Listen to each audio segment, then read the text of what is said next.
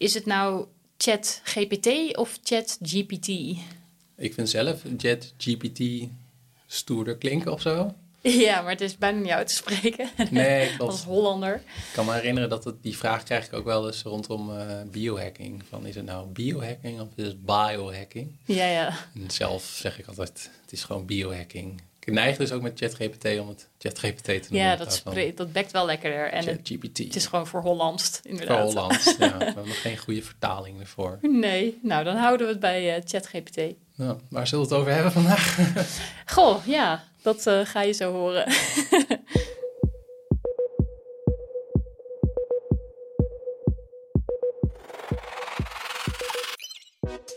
Welkom bij de podcast Supermens. Ik ben Peter Joosten. Ik ben biohacker, toekomstdenker en schrijver van het boek Biohacking en Supermens. Ik geef lezingen en webinars over de supermens, technologische ontwikkelingen, zorgtechnologie en de overheid van de toekomst. Op peterjoosten.net vind je daar meer informatie over, net als mijn artikelen en video's. En mijn vriendin Suzanne is de host van deze podcast. Ja, ik ben Suzanne Dullink. Ik ben maker van onder andere podcasts, blogs, video's en illustraties. Op suzannedullink.nl lees je daar meer over. In deze aflevering praten we over ChatGPT in de gezondheidszorg. Een boek over generatieve AI, de tool Alfred, een weekend trailrunning in de Ardennen en nog veel meer. In de beschrijving van de podcast vind je timestamps. In sommige apps kun je daarop klikken en dan direct naar dat deel van de podcast gaan. Maar eigenlijk hopen we natuurlijk dat je naar de hele podcast luistert. Heel veel luisterplezier!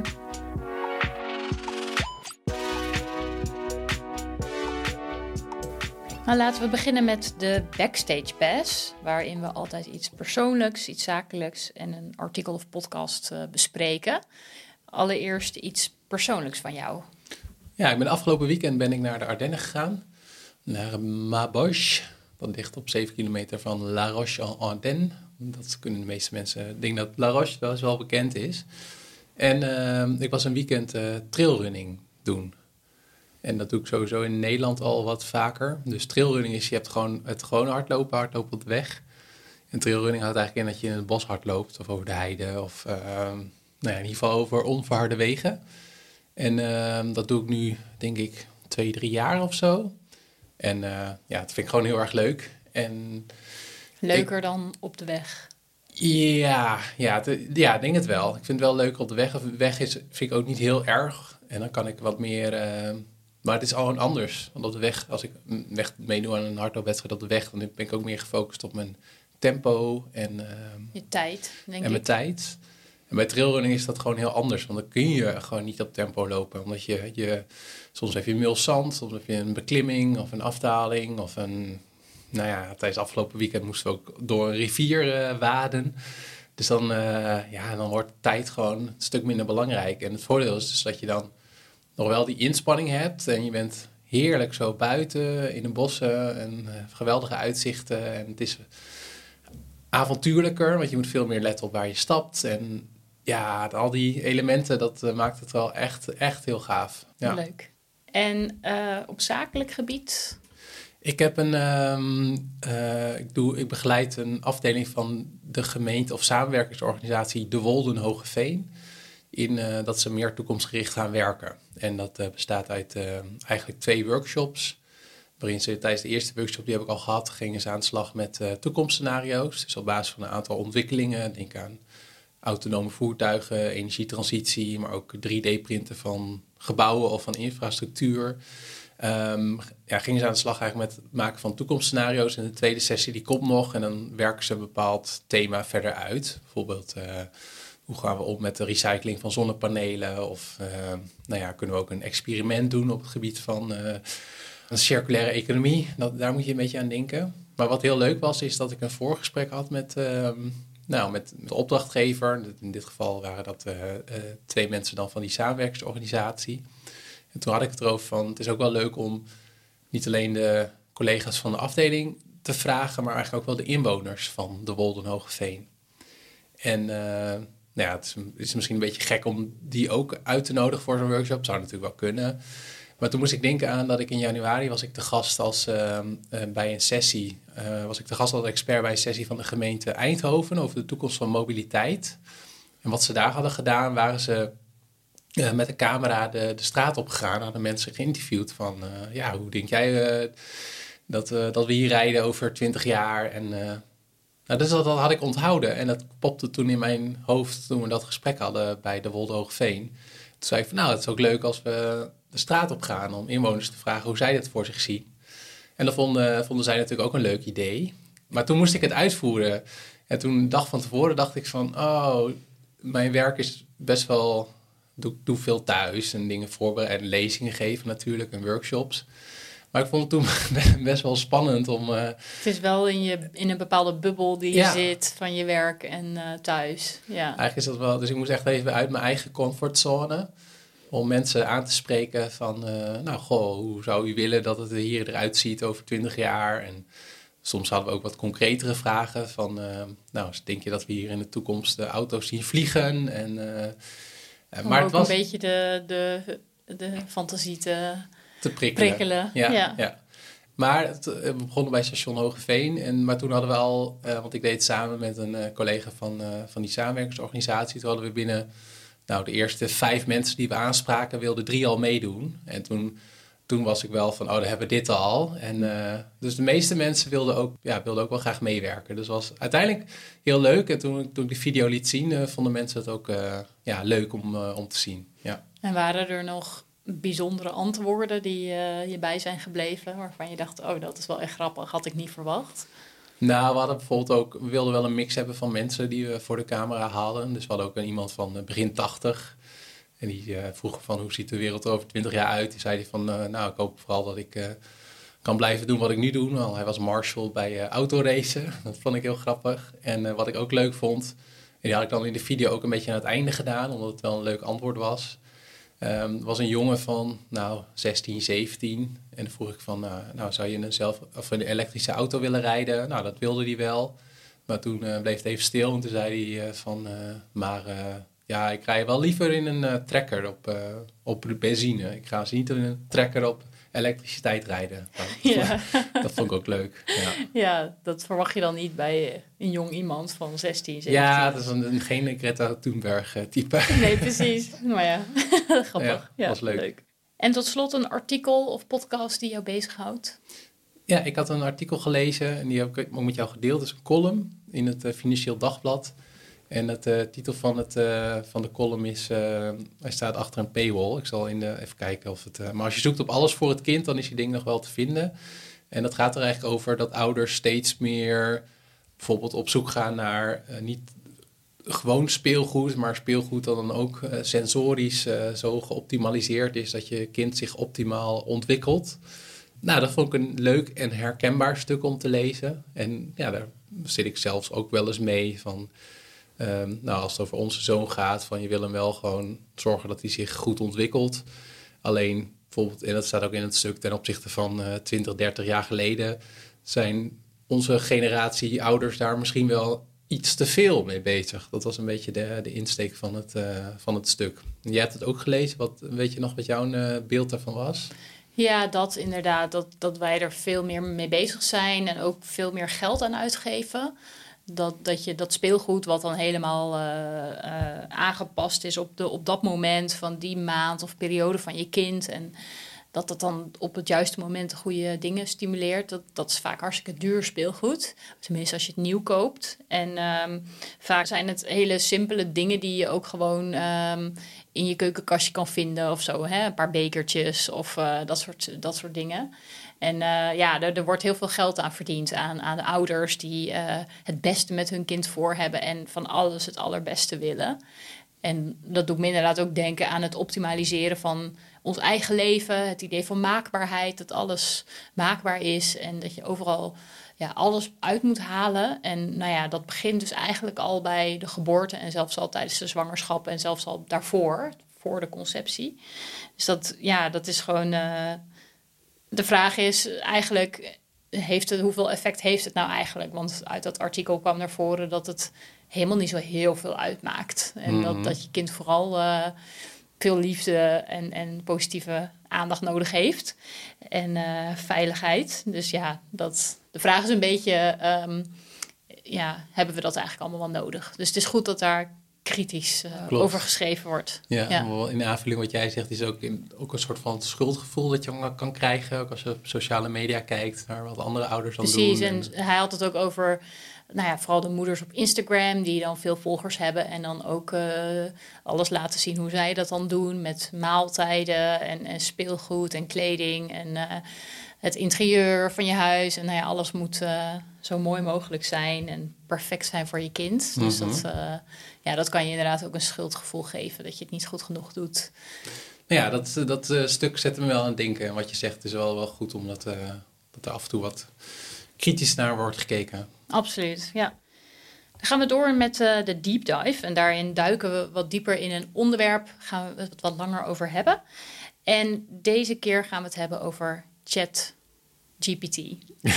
ik zal het maar op zijn Engels doen. ja, dat is eigenlijk niet, uh, niet te missen. Want, uh, voor de um, mensen die luisteren, dat is eigenlijk vanaf volgens mij najaar 2022 of voorjaar 2023 dat het eigenlijk werd geïntroduceerd. Dus het bedrijf OpenAI die werkt aan die onderliggende modellen. Dus GPT-3 had je, toen GPT-3,5, nu GPT-4. En dat zijn een beetje, ehm, en dat zijn, dat zijn de onderliggende modellen aan uh, ChatGPT. Alleen bij ChatGPT is het dan ook voor een breder publiek toegankelijk gemaakt. En het is eigenlijk een, ja, een chatbot waarmee je kan praten. Eigenlijk lijkt het, ja, die kan als het ware menselijke conversaties uh, aan. Dat is, uh, dat is ChatGPT. Ja, uh, ik ken het inderdaad ook vanaf het najaar, denk ik, dat het een beetje begon met afbeeldingen. Met uh, DALI bijvoorbeeld. Hm. Dat, dat je inderdaad afbeeldingen kon laten genereren. Dat je kon zeggen van, nou, ik wil een landschap in de stijl van Van Gogh, met dat en dat erin. Uh, daar begon het in mijn bubbel een beetje mee. En nu begint het ook met tekst op te komen. Klopt. Ja, inderdaad. Je kunt vragen stellen um, van, nou ja, wat is je advies hier en hierin? Of schrijf een tekst op basis daar en daarvan. Het is heel uitgebreid. Je kunt er heel veel mee. Ja, ik vind het echt wel heel wonderlijk eigenlijk. Van, ik gebruik het in mijn werk ook best wel veel. Dus ik had bijvoorbeeld gisteren een aanvraag om een workshop te geven over uh, ja, hoe de, een groep mensen meer uh, toekomstgericht, uh, future-proof, dus het is een eentje in het Engels. En ze wilden het eigenlijk wel graag rondom gedrag hebben, gedragsverandering. En ik doe daar wel dingen over, maar nog niet zo echt specifiek als vast onderwerp van, uh, van de workshop. En, maar dan ging ik gewoon in, ja, zag ik, ik zie ChatGPT dan in mijn werk meer als een sparringspartner.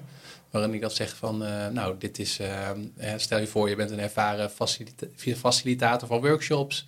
Het moet gaan over gedragsverandering en toekomstgerichtheid. Kun je twee alinea's schrijven ja, over de workshop.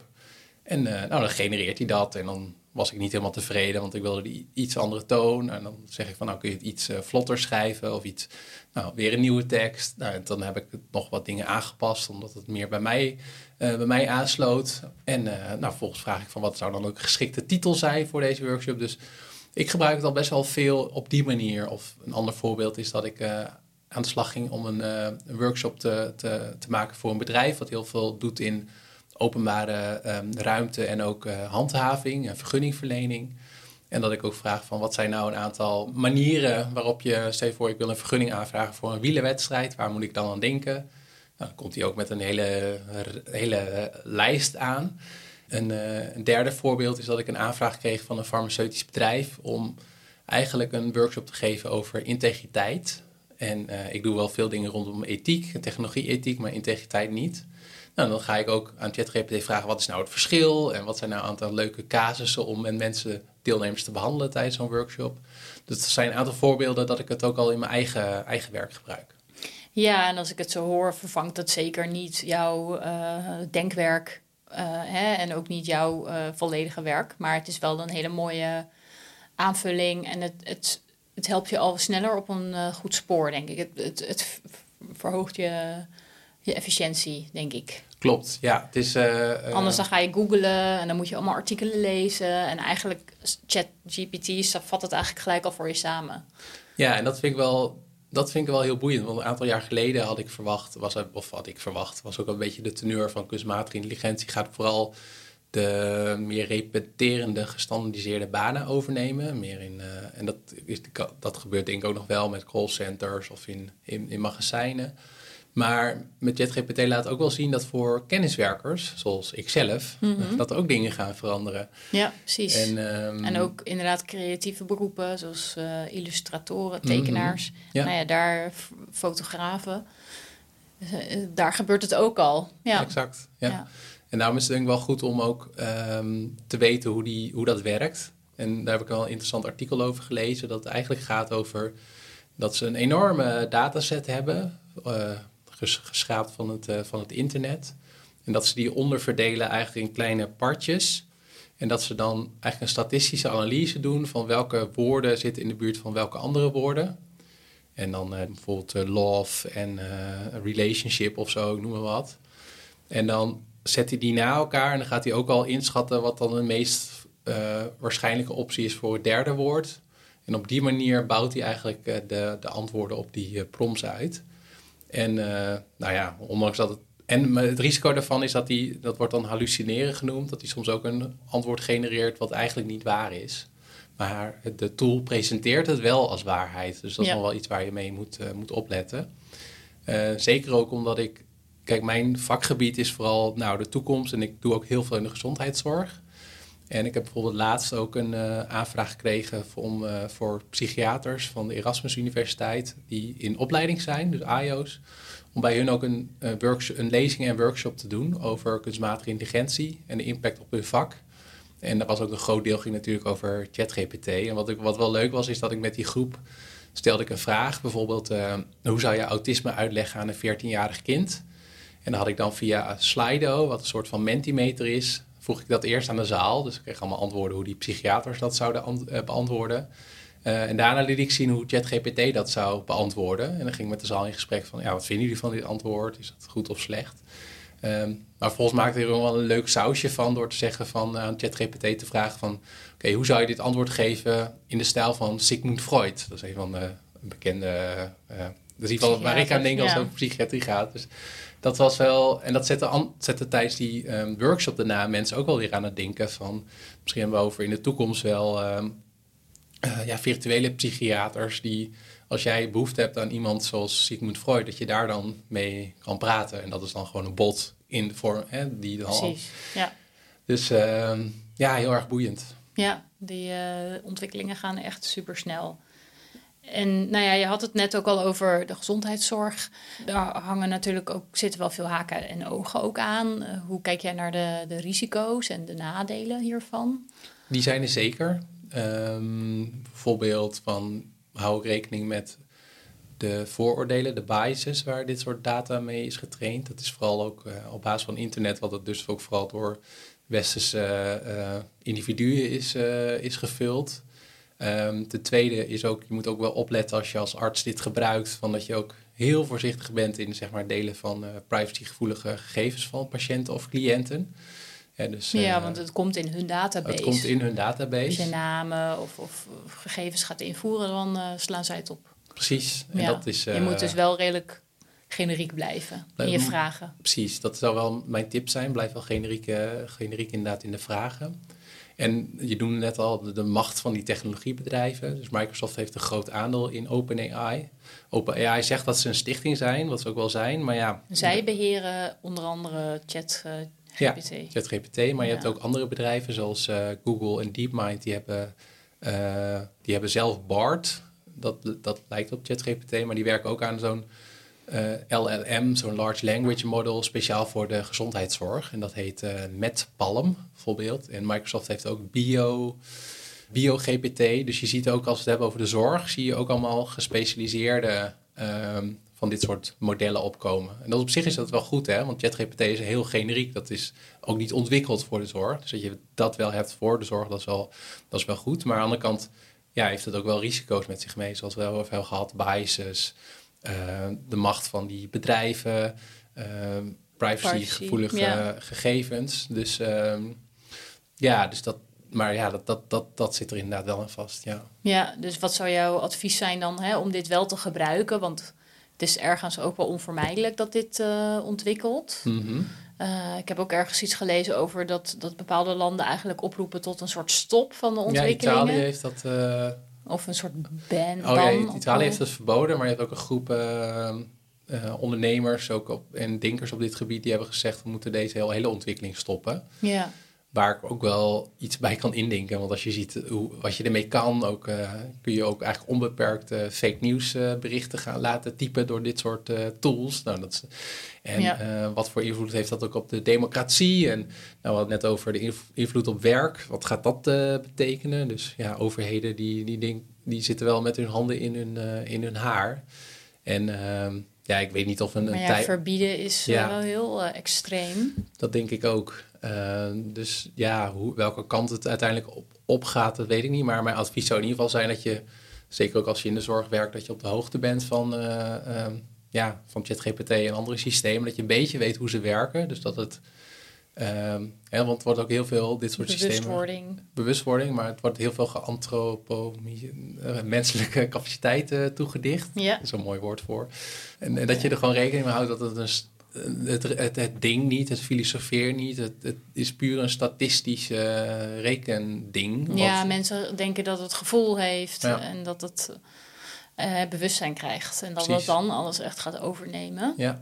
Ja, maar dat is niet zo. Maar het heeft in ieder geval, ook als je kijkt naar... Het is in ieder geval nog niet zo, je weet het nooit. Maar de kans is heel klein. Ze hebben dat ook wel eens berekend, toch? Ja, klopt. Maar dat is echt een last. Dat zou ik niet weten. Nee, nee. Uh, maar zeker ook voor iedereen is, maar ook als je in de zorg, want er zijn ook mensen die zeggen, bijvoorbeeld Robert Pearl, die is uh, professor aan uh, Stanford, die zegt van, ik denk dat dit belangrijker wordt voor een dokter dan een stethoscoop. Nou ja, stethoscoop is al ja, zeg maar de basis van, uh, van, wat, van een arts. Dus ik denk in ieder geval dat je er bewust van bent. ik zou er ook gewoon een keer mee, mee spelen, experimenteren, kijken wat er uitkomt, wat je ervan vindt.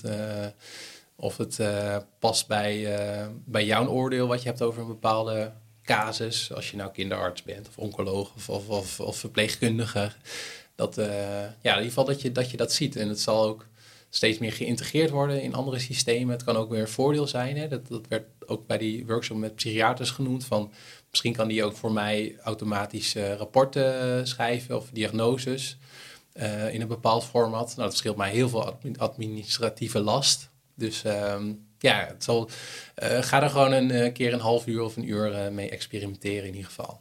Ja, wees, ik denk ook dat, ook al gaan wij het verbieden in, in Nederland bijvoorbeeld, in China zijn ze hier volgens mij ontzettend op gaan richten om dit verder te ontwikkelen en veel te gebruiken. Dus ook al kun, ja, het is niet meer te stoppen, denk ik. Nee. Misschien dan wel in Europa, maar dan daarbuiten niet. Ja, maar laten wij dan inderdaad in Nederland of in Europa daar ook verstandig mee omgaan. Precies, uh, ja. En goede wetgeving voor ontwikkelen. Ja, daar moeten ze dan snel mee zijn, want dat loopt natuurlijk vaak achter op de ja, realiteit. Klopt, maar, ja. ja. ja. nee, dat is ook, en dat vind ik altijd wel een lastige discussie. Dat heb je rondom een heleboel technologieën. Dat, dat ik denk van ja, maar het, het heeft ook weer iets uh, uh, zo van, nou, het gebeurt toch wel, dus we hoeven er niks meer aan te doen. En dat is inderdaad dat, dat, dat ook weer niet. Nee, dus, precies. Uh, nee. Ja, maar het is, het is wel gaande en het is ook weer moeilijk om te stoppen. Dus laten we het dan op een verstandige manier uh, gebruiken. Ik had ook nog dat boek uh, Life 3.0 van Max Tegmark. Daar moest ik ook nog aan denken. Hm? Want dat gaat er eigenlijk ook over. Over nou ja, dat je eigenlijk drie verschillende levenstypes hebt. Hè? Life 1.0 zou dan zijn de bacteriën en zo, volgens ja. mij. Of het ja, het leven wat geen uh, bewustzijn heeft. En 2.0 mm -hmm. is dan zoals de mensen, die, die krijgen bewustzijn en uh, gevoel en taal en noem maar op. En dan 3.0 is de AI, de kunstmatige intelligentie. En in dat boek beschrijft hij ook allemaal scenario's van waar kan dat naartoe gaan. Inderdaad, mm. tot een soort bewustzijn. En dat alles wordt overgenomen door computers. Ja. Maar hij acht dat volgens mij ook redelijk onwaarschijnlijk. Maar ja. dat, uh, ja. Ja, klopt. Ja. Vond, dat vind ik ook een, wel een interessant boek hierover. Zeker. Al is het al wat ouder, dus het gaat niet heel specifiek over open, open, open AI, AI en zo. Nee. Precies. Maar, nee. Ja. Nou, goede tip. Ja. ja, en kunnen we ook gelijk een bruggetje maken naar de bullets, waarin we ook drie um, boeken, media, tool of tech en dergelijke bespreken. Allereerst een, uh, een boek wat je hebt gelezen, wat je ook wil aanraden op dit gebied. Ik vond dat het wel aansloot bij uh, inderdaad wat jij zegt bij dit gebied. Het boek uh, Echt Nep, die komt uit 2021, 22. Nou, recent. Ja, ja, het is wel een recent boek, geschreven door Menno van Loren, Sander Duivenstein en Thijs Pepping. En Thijs ken ik trouwens wel goed, disclaimer. En het, zij werken alle drie bij Vint. En dat is een verkenningsinstituut Nieuwe Technologie. Wat weer onderdeel is van Society. Of Sogetti, nee, nee, Society. En het boek Echt Nep gaat over synthetische media. Dus dat gaat eigenlijk over um, zodra je met kunstmatige intelligentie beelden, uh, muziek, uh, stemmen, uh, tekst, video's, als je dat maakt of bewerkt, dan, gaat eigenlijk, dan, dan spreek je over synthetische media. Dus dat sluit inderdaad heel erg aan bij ChatGPT en, en, en DALI. En ehm, ja, dus als je daar meer over wil weten, is dit wel een boek wat ik, wat ik aanraad. Het is een, vond het soms niet altijd even makkelijk om te lezen, want ze hadden soms hele, zeg dat? vond ik wel taaie filosofieën aan, of taaie uh, denkbeelden of modellen. Maar ook wel weer, zeg maar, daarnaast ook uh, praktische voorbeelden van, uh, ja, van dingen die nu al gebeuren. Um, dus een van de modellen uh, waar, we, waar het over gaat is iemand die jij wel goed kent, namelijk Jean Baudrillard. Ja. dus die ken ik vanwege mijn studie. American Studies, Amerikanistiek heb ik gestudeerd. En uh, in het derde jaar in, van de bachelor hebben we het heel uitgebreid gehad over de filosofie, filosofie en visie van Baudrillard. Ja. ja. Een van de dingen, ik kijk even naar mijn notities. Jean Baudrillard noemt de categorie waarbij de kopie geen origineel heeft en niet te herleiden is tot iets echts. Dus het productieproces is dus niet authentiek, noemt hij het simulacrum. Dat is ja. zo'n bekende term, toch? Van, Precies, uh, ja. Simulacrum, ja. Zit dat ook niet in de film The Matrix? Van, uh, of een quote van uh, Baudrillard? Van, ja, Welcome to the Desert of the Real. Dat is, is inderdaad een bo quote van Baudrillard. Mm. Klopt. Hij noemde Amerika eigenlijk... Hij is natuurlijk een Franse filosoof, mm. Europeaans. En hij vond Amerika ook een soort simulacrum. Toen, mm. dat was in de jaren 80, jaren 90. Ook met de golfoorlog en de opkomst van massa, massamedia en televisie... Uh, dus hij voorzag het eigenlijk al een beetje dat dat opkwam. En dat het steeds meer um, ja, een, een, wereld op zichzelf aan het worden was. Uh, die los stond van de realiteit eigenlijk. Hmm. Ja, dus uh, nou ja, dat, ik denk als hij nu nog zou leven en zijn filosofie erop zou loslaten, dan nou ja, komt dat wel redelijk overeen. Ja. Hij is in 2007 overleden. Oké. Okay. Hij is uiteindelijk 77 jaar geworden. Oh ja, dan, dan maakt hij dit allemaal niet meer mee. nee. nee.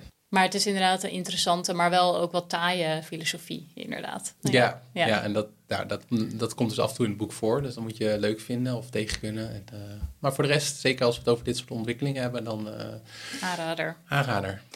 En een tool of tech die jij wilt tippen? Ja, een tool die mij heel erg productief maakt op de Mac. Dus het is niet op de Windows, is de tool die heet Alfred.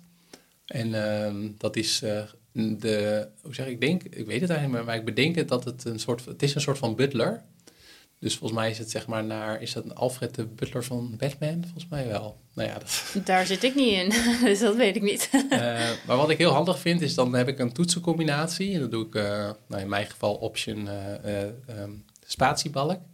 En dan open ik zeg maar een soort van um, chatvenster voor Alfred. Wat eigenlijk gewoon, en daar kan ik dan iets intypen.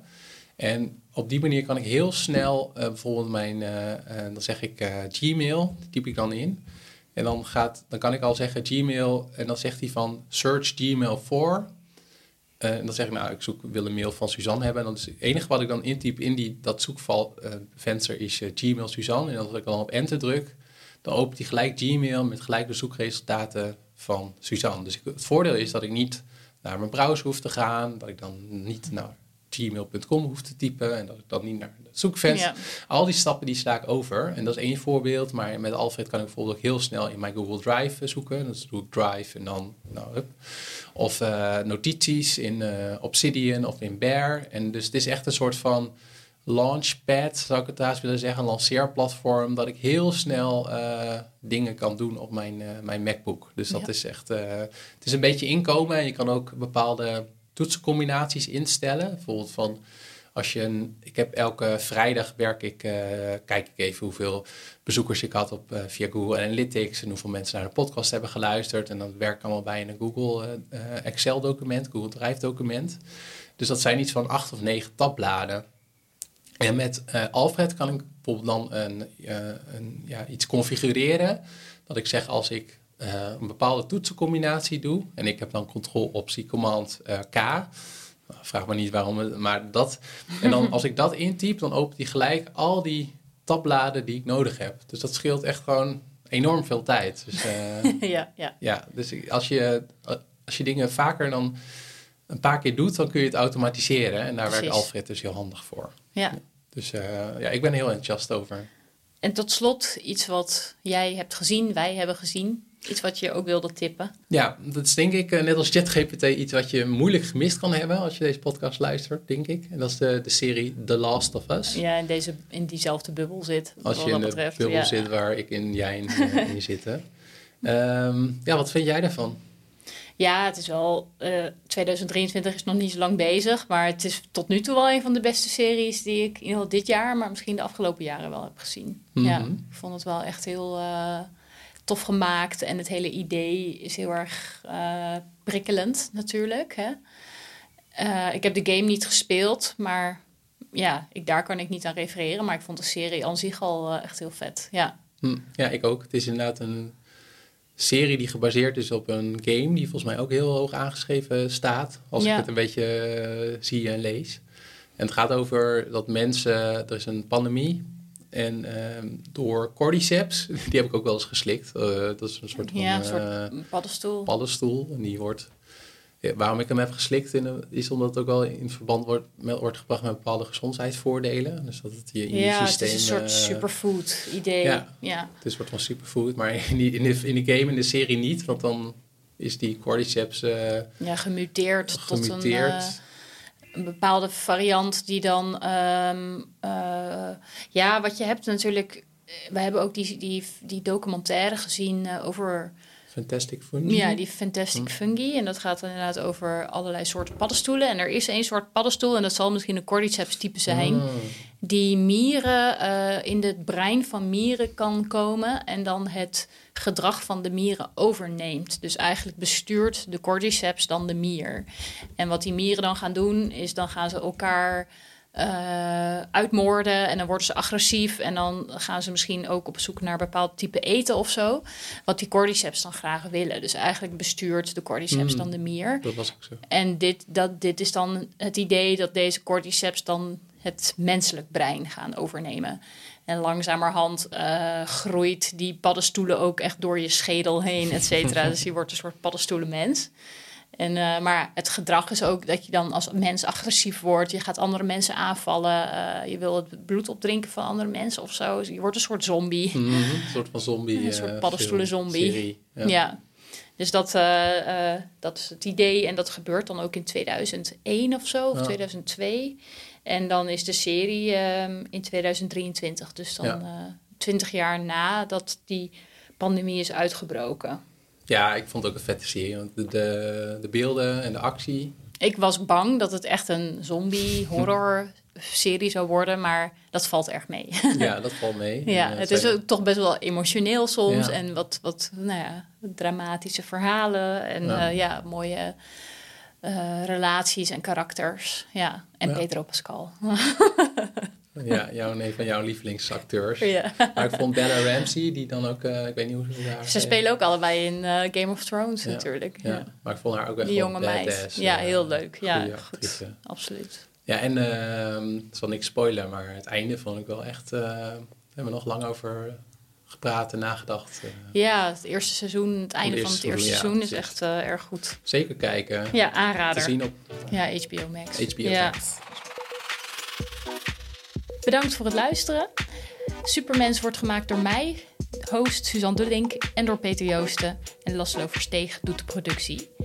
De show notes staan bij de beschrijving zelf, inclusief timestamps. Dan kun je gaan naar een bepaald onderdeel. En op peterjoosten.net vind je meer informatie over lezingen, webinars, een maandelijkse nieuwsbrief, blogartikelen en boeken van Peter. En heel graag tot de volgende aflevering.